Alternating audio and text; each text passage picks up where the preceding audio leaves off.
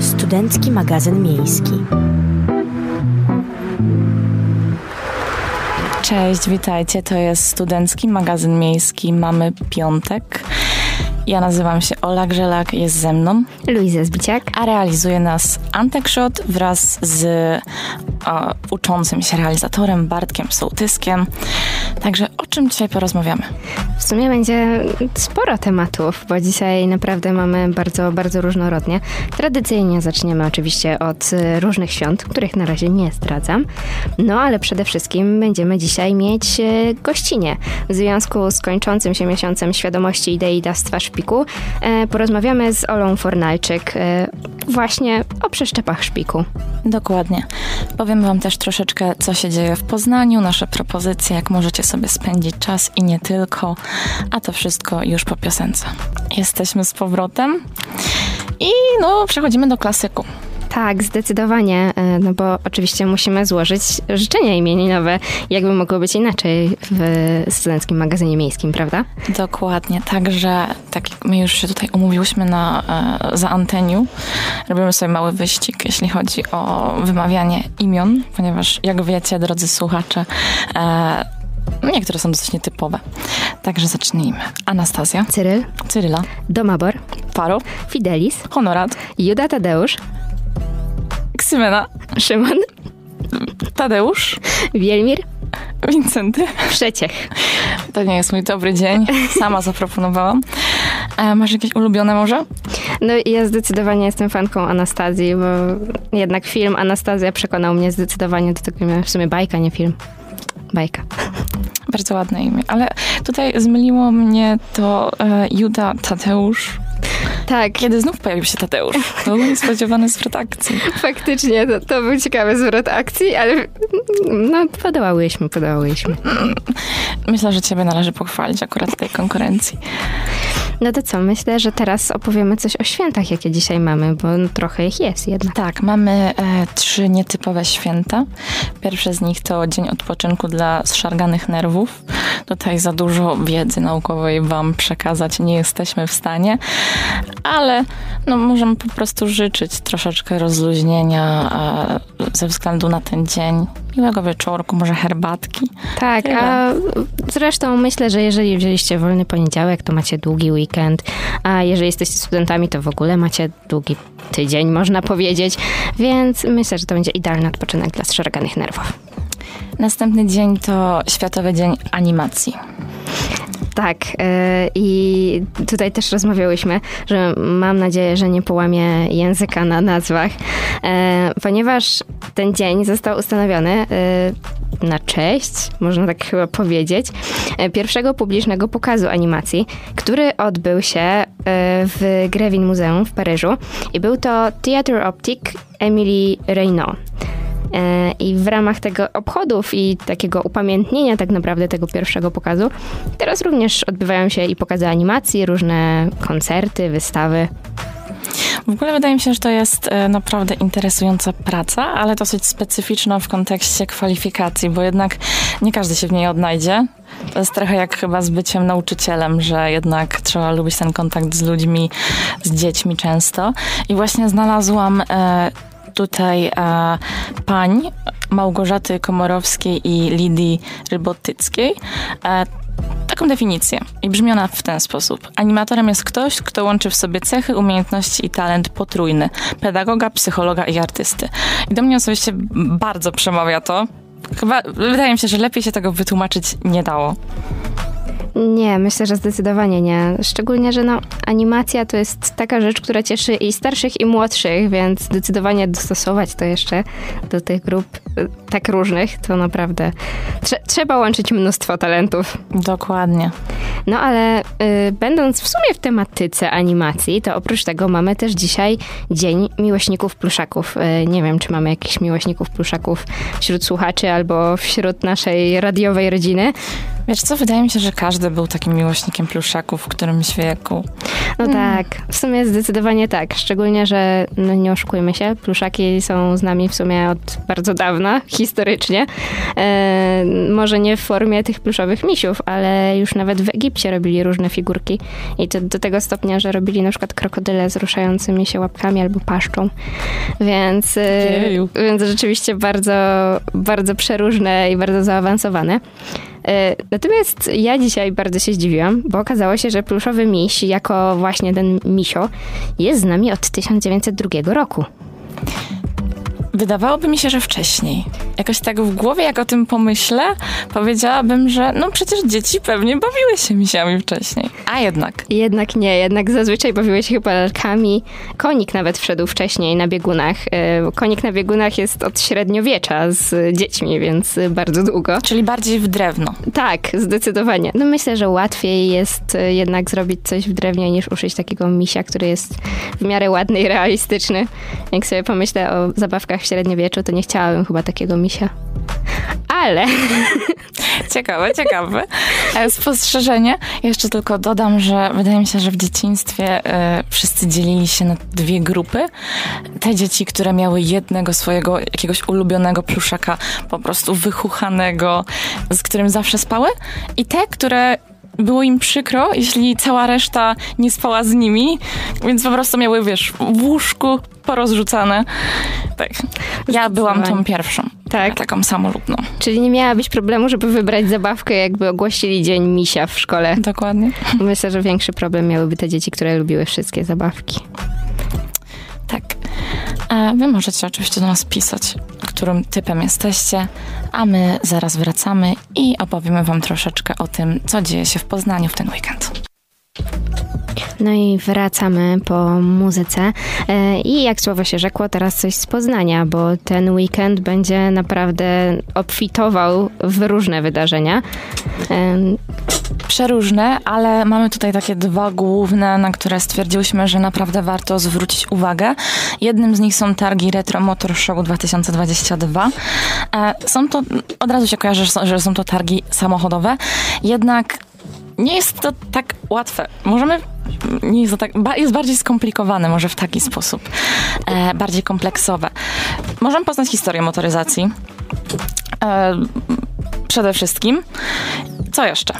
No, przede wszystkim możemy zobaczyć przeróżne modele i samochodów, i motocykli, e, ale też e, no, tak naprawdę kolekcję Agencji Mienia Wojskowego, więc też samochody, które zazwyczaj na drogach nie są obserwowane. E, no i oprócz tego, że możemy sobie pooglądać, wziąć udział w przeróżnych spotkaniach i prelekcjach, to jest też bardzo dobra opcja dla ludzi, którzy chcą jednak poczuć klimat Halloween, ale w takim retro stylu, ponieważ e, można wejść taniej, jeżeli przebierzecie się w jakiś retro strój, więc e, no, dwa w jednym. Idealnie. Tak. Nie dość, że rozrywka, to cieszy oko taniej, tylko korzystać moim zdaniem. A nasza druga opcja, propozycja dla Was, e, to są targi hobby. I tutaj po prostu wymieniać idzie przez 10 minut. Ale tak krótko Wam przedstawmy mniej więcej, czego możecie się spodziewać. Więc jest już to 19. edycja targów hobby, które y, misją ich jest edukacja poprzez prezentację różnych pasji w atrakcyjny sposób, ale również zachęcenie dzieci i młodzieży do aktywnego spędzania wolnego czasu.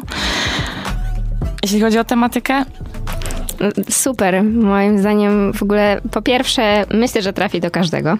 Tak, tutaj mamy tak dużo rzeczy. Może nie wiem, przedstawmy kilka jakichś swoich ulubionych. Będzie można na przykład odwiedzić Muzeum Komiksu. Będą warsztaty florystyczne i makramy. Wiesz, co to makrama? Tak, tak, zdecydowanie. Miałam fazę, ale nigdy się do tego w końcu nie zabrałam. To ja się przyznam, że musiałam cię wygooglować, ale bardzo ciekawe rzeczy. E, będą również pokazy kowalstwa, kaletnictwa. Ale spokojnie, y, będą też bardziej standardowe czy tradycyjne rzeczy, bo będą gry planszowe, będzie Lego, będzie oczywiście też taniec i różne rodzaje sportu, więc no myślę, że naprawdę każdy znajdzie coś dla siebie, a w związku z tym, że impreza też odbywa się na targach, to jeżeli na przykład stwierdzicie, że wolicie większe modele niż y, po prostu takie małe modele samochodów, to wiecie, zawsze jest Retro Motor Show. Tak, możecie tutaj przejść się z jednego miejsca do drugiego, zrobić sobie pełny dzień wypełniony tak najróżniejszymi atrakcjami. Co jeszcze tutaj? No, to też jest ciekawe, że e, znajdą się również e, ekspozycje z poprzednich edyc- edycji, takie jak na przykład tor dla samochodów RC, makiety kolejek, prezentacje indywidualnych modelarzy, czy sfery gier planszowych, tak jak powiedziałaś. Ale będzie również taniec, szycie, gotowanie, także tutaj naprawdę e, paleta kolorów jest ogromna.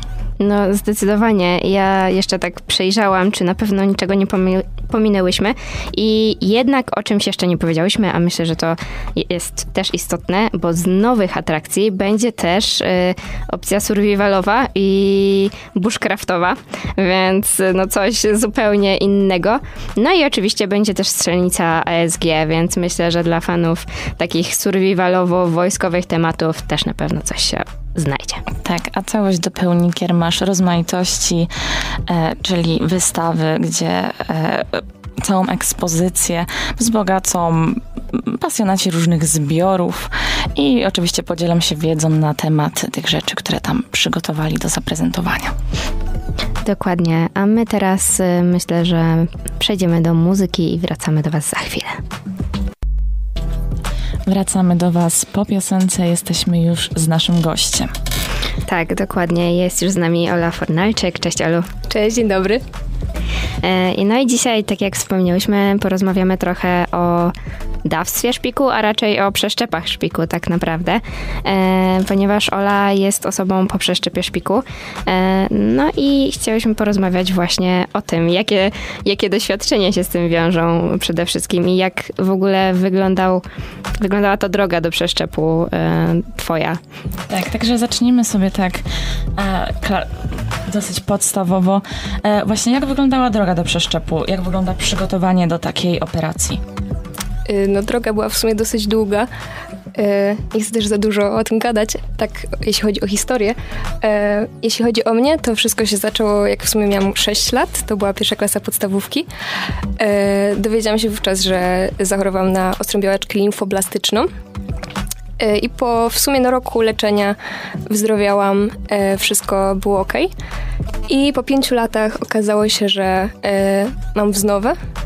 I, I w sumie wtedy gdzieś już z tyłu głowy lekarzom przede wszystkim wtedy chodził po głowie właśnie ten przeszczep, bo okazało się dopiero po tych pięciu latach, że mam mutację w genie, więc mm, nie dość, że ta mutacja, to dodatkowo e, wiele rzeczy zaczęło się komplikować ze względu na, e, na to, że no, jest cykl chemii w trakcie leczenia i, i właśnie z tego cyklu wiele, wiele chemii wypadło, bo się okazało, że jestem uczulona. No, długa historia. W każdym razie e, po wielu komplikacjach okazało się, że ten przeszczep to chyba najlepsze rozwiązanie. I w sumie już tak stricte przed samym przeszczepem e, całe przygotowanie u mnie trwało miesiąc, chociaż wcześniej no jeszcze kwestią było właśnie znalezienie dawcy. E, u mnie właściwie, jak ja się sama dowiedziałam, no bo wiadomo, wcześniej rodzice i tak dalej, jak ja się dowiedziałam, to już praktycznie niedługo po tym dawca był znaleziony. E, ale w międzyczasie też były robione różne akcje właśnie, żeby tego dawcę znaleźć.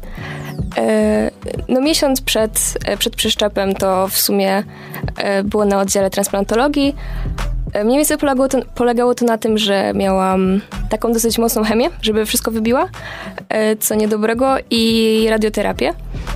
Mm, No i w tym czasie też mój dawca Michał się przygotowywał. W sensie wtedy jeszcze nie wiedziałam, że to jest Michał, ale, ale to trwało tak równolegle. Ym, I tak naprawdę tak to mniej więcej wyglądało. Jak już może powiedzieć, że według badań wszystko było na dobrej drodze, no to y, w czerwcu tak naprawdę dostałam kroplówkę, która mi przez dwa dni kapała. To wyglądało jak e, jak krew po prostu. I, to nawet nie była właśnie żadna operacja, bo wiele ludzi myśli, że to jest jakieś wstrzykiwanie czegoś albo pod narkozą. Ja po prostu sobie leżałam, a to mi kapało przez dwa dni. I tak w sumie cała, może być, operacja wyglądała. Podejrzewam, że też e, trochę szukanie tego dawcy odbywało się poza tobą e, w związku z wiekiem. Natomiast e, czy tak z twoich doświadczeń albo rozmów na przykład z rodzicami, to trudno jest znaleźć odpowiedniego dawcę?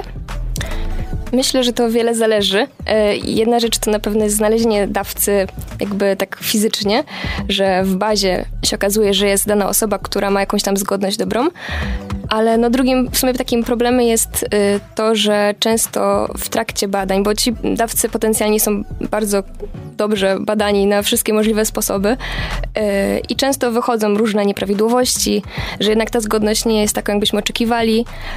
Y, plus niestety też słyszałam, że zdawały, zdarzały się takie sytuacje, że na przykład ktoś już miał zostać dawcą i, i nawet ta informacja poszła do, do biorcy, ale nagle w ostatniej chwili się na przykład ktoś zrezygnował, albo się okazało, że pani jest w ciąży, no więc no, także to jest wiele czynników i, i myślę, że to jest długa, też długa droga do tego. Wspomniałaś, że wspomniałaś imię e, swojego dawcy. E, powiedz, czy właśnie jak, jak to wyszło, że skontaktowałaś się z tą osobą? Czujesz się emocjonalnie jakoś związana z tym, że to ta konkretna osoba ci pomogła? Oj, bardzo. E, w sumie jakby według tych wszystkich zasad e, i DKMS-u, no i generalnie mogłam się skontaktować e, no, z Michałem dopiero po dwóch latach, z tego co dobrze pamiętam. Najpierw to był list, więc ja wysłałam jemu, on później mi odpisał i w sumie w międzyczasie udało nam się zgadać najpierw telefonicznie, później się spotkaliśmy w Krakowie, więc no jeśli chodzi o taką więź emocjonalną, to bardzo. Czuję się po prostu jakby to był mój drugi brat, bo jednego takiego rodzonego mam. I, I nawet podczas tego spotkania był taki vibe pomiędzy nami i miałam poczucie, że w pewnym sensie nawet tak emocjonalnie jesteśmy bardzo do siebie podobni. Ale to bardzo ciekawe i w sumie myślę, że gdzieś tam takie przywiązanie jest dosyć naturalne w takim przypadku. Y, ale też wspomniałaś o fundacji, o DKMS, y, Stowarzyszeniu Fundacji y, i chciałam zapytać, czy właśnie jakby sytuacja przeszczepu to był taki pierwszy kontakt z samym DKMS-em? Tak, dla mnie w sumie tak wcześniej, ja sama nawet właściwie wcześniej nie wiedziałam za bardzo, jak działa przeszczep i że właściwie jest coś takiego jak przeszczep szpiku. Raczej dla mnie to była taka ostateczność typu, nie wiem, przeszczep wątroby albo nerki, więc tym bardziej o DKM się wtedy nic nie słyszałam, tylko jak już był właśnie motyw tego, tego przeszczepu. Więcej w sumie z DKMS-em mieli wspólnego i do czynienia moi rodzice, no bo jednak ja byłam poza tym wszystkim. E, aczkolwiek, no jakby cały wydźwięk jest bardzo pozytywny, bo nie tylko kwestia samego szukania dawcy, ale też e, od fundacji bie takie, takie ciepło w kontekście, że człowiek czuje się zaopiekowany i oni dzwonią po tym przeszczepie, pytają się, właśnie pytali się jak mojej mamy, jak Oleńka, jak się czuje, e, albo właśnie też nawet do dzisiaj, gdzie już jest 5 lat po przeszczepie, e, tam raz czy dwa razy w roku dostaje jakąś kartkę, czy na święta, więc no to w sumie nie kończy się tylko na znalezieniu dawcy, ale takie po prostu wsparcie dla rodziny i, i dla, dla samego biorcy. Myślę, że to jest naprawdę niesamowita treść, jaką teraz nam przekazujesz, bo takich rzeczy raczej ludzie, którzy e, kojarzą DKMS, czy nawet współpracują jako wolontariusze, czy potencjalni dawcy, jednak nie wiedzą. Także e, bardzo ciekawa sprawa. E, powiedz, jak oceniasz działania fundacji w kwestii organizacyjnej w przypadkach takich jak Twój? Yy, no w sumie też tak jak wcześniej wspomniałam, bardzo pozytywnie. Oprócz tego, że interesowali się no stricte nami, to to, co też tak bardzo pozytywnie odbieram, to jest fakt, że yy, pomagali w organizacji tych akcji i, i, byli bardzo zaangażowani w to i pamiętam jedna akcja była u mnie w domu rodzinnym, druga w, jakby w mieście rodzinnym moich dziadków yy, i, i tak naprawdę bardzo dużo od siebie dawali, żeby to wszystko wyszło i też była od nich taka serdeczność i takie mega zorganizowanie, że faktycznie y, mieliśmy poczucie, że możemy się do nich z wieloma rzeczami zwrócić. Oni nam w tym pomogą i, i byli tacy naprawdę porządni, można powiedzieć. Okej, okay. myślę, że to bardzo, bardzo dobre doświadczenia, e, ale myślę też, że jako, że mamy trudny temat, to chwilę posłuchamy muzyki, żebyśmy wszyscy troszkę odetchnęli i wrócimy do rozmowy za chwilkę. To było The Dumplings, a my wracamy do rozmowy z naszym gościem, Olą. Chciałabym, chciałabym wrócić e, do jednego wątku, o którym już mówiłaś, czyli kwestii e, kontaktu z dawcą. Wspomniałaś, że kontakt ten nie jest umożliwiany od razu po przeszczepie. Dlaczego tak jest? No właściwie z tego co pamiętam, to są faktycznie te dwa lata, kiedy musimy odczekać, zanim w ogóle się skontaktujemy. E, no to wszystko jest bardzo e, ograniczone, jeśli chodzi o jakiekolwiek informacje o dawcy. E, tak naprawdę na początku wiedzieliśmy tylko, że to jest młody mężczyzna i tak pozostało bardzo długo. Wynika to przede wszystkim z tego, z tego co wiem, że jednak mimo wszystko jest jakieś ryzyko mm, nawrotu i podczas tych dwóch lat oni po prostu tak trochę ubezpieczają tego dawcę, żeby nie było takiego, no, no może nie szantażu emocjonalnego, ale jakiego, jakiejś presji ze strony e, biorcy. Gdyby się nagle okazało, że faktycznie nawrót jest, jest potrzebny drugi przeszczep, no jak już da, zna daną osobę, no to no, różne sytuacje mogą niefajne wynikać względem samego dawcy. Rozumiem. A teraz takie pytanie trochę z innej beczki, chociaż myślę, że wciąż nawiązujące. E, zastanawiam się, czy tak patrząc teraz, e, że tak powiem, na swoich znajomych, czy ludzi, których spotykasz ogólnie, choćby na studiach, to myślisz, że ta świadomość, e, jak wyglądają i dawstwo, czy biorstwo przeszczepów, że ta świadomość jest i jest ok, czy raczej przydałoby nam się więcej edukacji? No, myślę, że jest z tym kiepsko dosyć.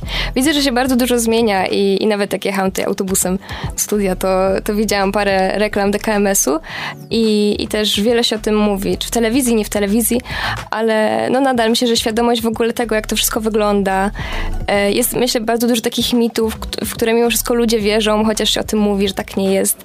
E, byłam raz jako wolontariuszka na takiej akcji, właśnie rejestracji potencjalnych dawców szpiku i, i z jednej strony trochę mnie to bawiło, z drugiej strony tak smuciło, że ludzie bardzo często tak podchodzili, patrzyli i na przykład tacy wielcy mężczyźni, tacy do, dorośli mówili, nie, bo ja się boję igieł, albo nie, bo to tam dużo mnie będzie kosztować i myślę, że świadomość całego tego procesu i w sumie też tego, jakie to jest ważne i że mimo wszystko to nie jest aż tak duża ofiara e, ze strony dawcy, jakby można było pomyśleć, no to świadomość jest nadal dosyć e, niska. Zwłaszcza wśród starszych osób, mi się wydaje, takich dorosłych, bo młodzi już raczej trochę więcej wiedzą. A jak myślisz, jaki twoim zdaniem jest taki największy mit, który jest tak ogólnie często, w który ludzie często wierzą? Mi się chyba tak najbardziej kojarzy, że jak rozmawiam z niektórymi ludźmi, to oni chyba mają takie poczucie w, w dużej mierze, że to wygląda tak, że ten dawca, e, nie wiem, kładzie się na kozetce i przychodzi lekarz taką wielką igłą i na żywca to wszystko robi. I że to jest bardzo bolesne i jakoś tak to najbardziej gdzieś mi w głowie siedzi, że ludzie na to patrzą jako na coś takiego, no, że będzie dużo się cierpiało przy tym, e, albo że jest dużo ryzyko na przykład, bo, bo też ludzie tak mówią, no nie, no bo coś się może stać i, i to i tamto i faktycznie chyba to jest taki największy mit, który mi się wydaje, że jest wśród ludzi. A po tym doświadczeniu wolontariackim, e, jak rozmawiałaś z ludźmi, to czy właśnie jakby to, że uświadamiasz ludzi, że no to tak trochę nie wygląda, to jest mit, albo to, że po prostu realnie mogą uratować komuś życie, y, to zmienia ich podejście, czy raczej nadal są sceptyczni? O, ja myślę, że to jest ciężkie. Mam wrażenie, że ludzie po prostu są teraz tak wszystkim e, bodźcowani, wszystkimi informacjami, reklamami, że jak się komuś o tym mówi, to on tak pokiwa głową i pójdzie dalej. Więc na przykład dla mnie to było dosyć ciężkie, tak emocjonalnie nawet, e, że no na przykład podczas tej mojej akcji zarejestrowałam dwie osoby, gdzie stałam parę godzin faktycznie.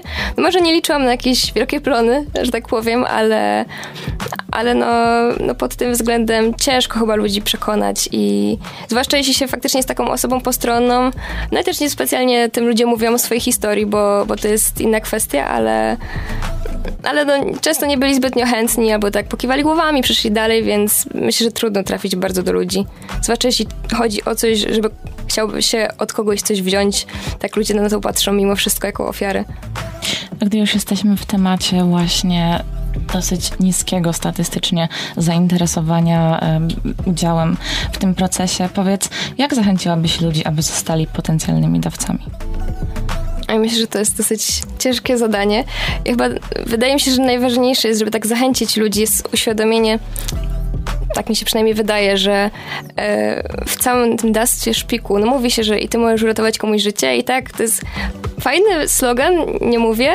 Myślę, że już dla ludzi pewnie trochę oklepany, e, ale chyba nie zawsze ludzie są świadomi tego, że jakby życie to zdrowie to jedno, a z drugiej strony jakby za za tym wszystkim kryje się i przyszłość człowieka, jego historia i, i że to nie jest tylko jeden pojedynczy człowiek i kwestia tego, czy istnieje, czy nie istnieje, tylko ludzi naokoło. I że jednak jeden mały człowieczek bardzo dużo zmienia tak naprawdę i mnóstwo tych korelacji między, między nim, między światem i że nie tylko się ratuje zdrowie, tylko ratuje się czyjeś marzenia, czyjeś... Yy, czyjeś jakby takie plany po prostu na przyszłość, e, chęć pobycia młodym człowiekiem, chęć jakby popełniania błędów, e, upadania i wstawania i dla mnie to jest chyba no takie najbardziej chyba dla mnie przekonujące przynajmniej, że, że to nie jest tylko kwestia, no będziesz zdrowy, fajnie, tylko jest kupę za tym, można powiedzieć, naprawdę.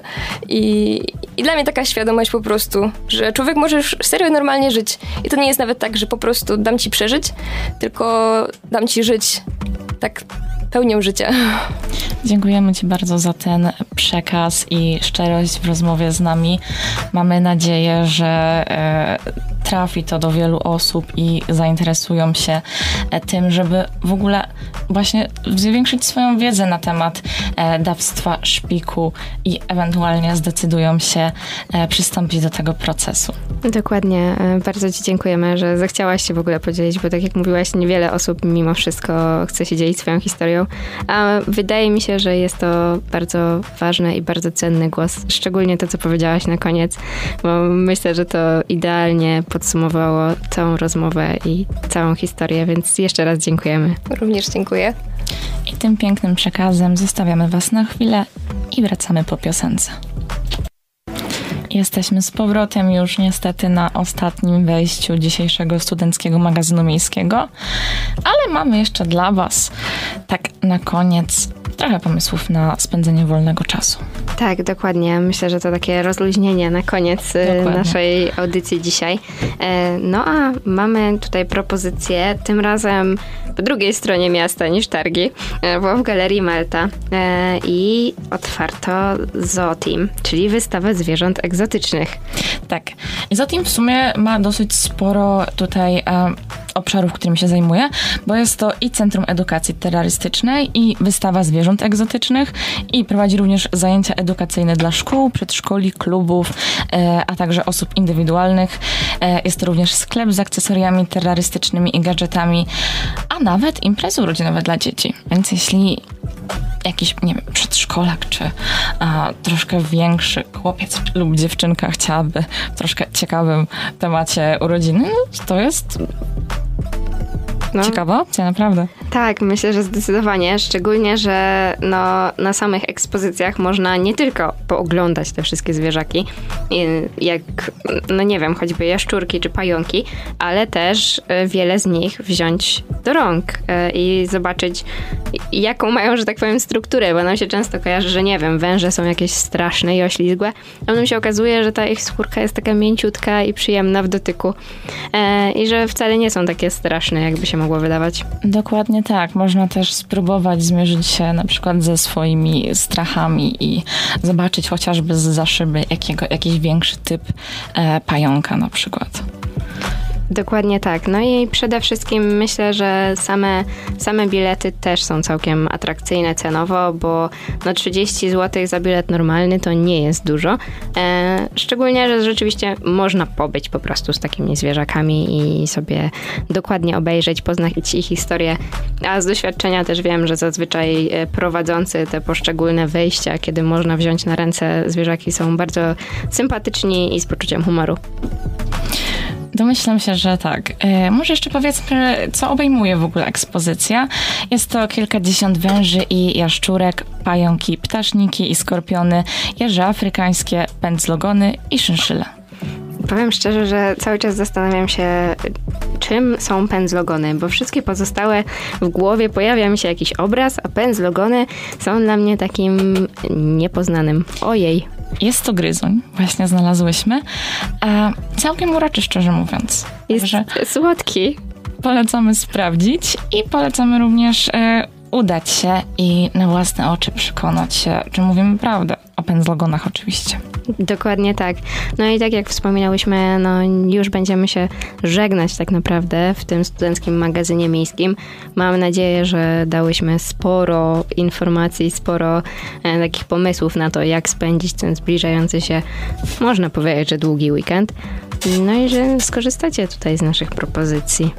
Tak, serdecznie zapraszamy na wszystkie przedstawione dzisiaj wydarzenia. Mamy również nadzieję, e, że treści, które przedstawiła nasza gościni, bo to w sumie jest najważniejszy element dzisiejszej audycji, e, naszym zdaniem, trafiły do Was, do jak najszerszej grupy słuchaczy i że to zainteresowanie DKMS-em i pomaganiem wzrośnie. Dokładnie tak, szczególnie, że no, październik był tym miesiącem świadomości idei dawstwa szpiku, e, więc mamy nadzieję, że jeśli ktoś jeszcze nie miał okazji do zapoznania się z samą ideą, to być może nasza dzisiejsza rozmowa zainspiruje do tego, żeby sprawdzić i przekonać się, że rzeczywiście to nie jest e, tak straszne, jak się większości ludzi wydaje. No i słuchajcie, macie jeszcze kilka dni do końca miesiąca, być może e, rzeczywiście tutaj uda się poczytać, posprawdzać, a może nawet się zapisać do TKMS-u. Mamy wielką nadzieję. Ja y, nazywam się Ola Grzelak, była ze mną. Luiza Zbiciak. Realizował nas Antek Szot, a pomagał mu Bartek Sołtysek, a to był Studencki Magazyn Miejski. Dziękuję. Studencki magazyn miejski.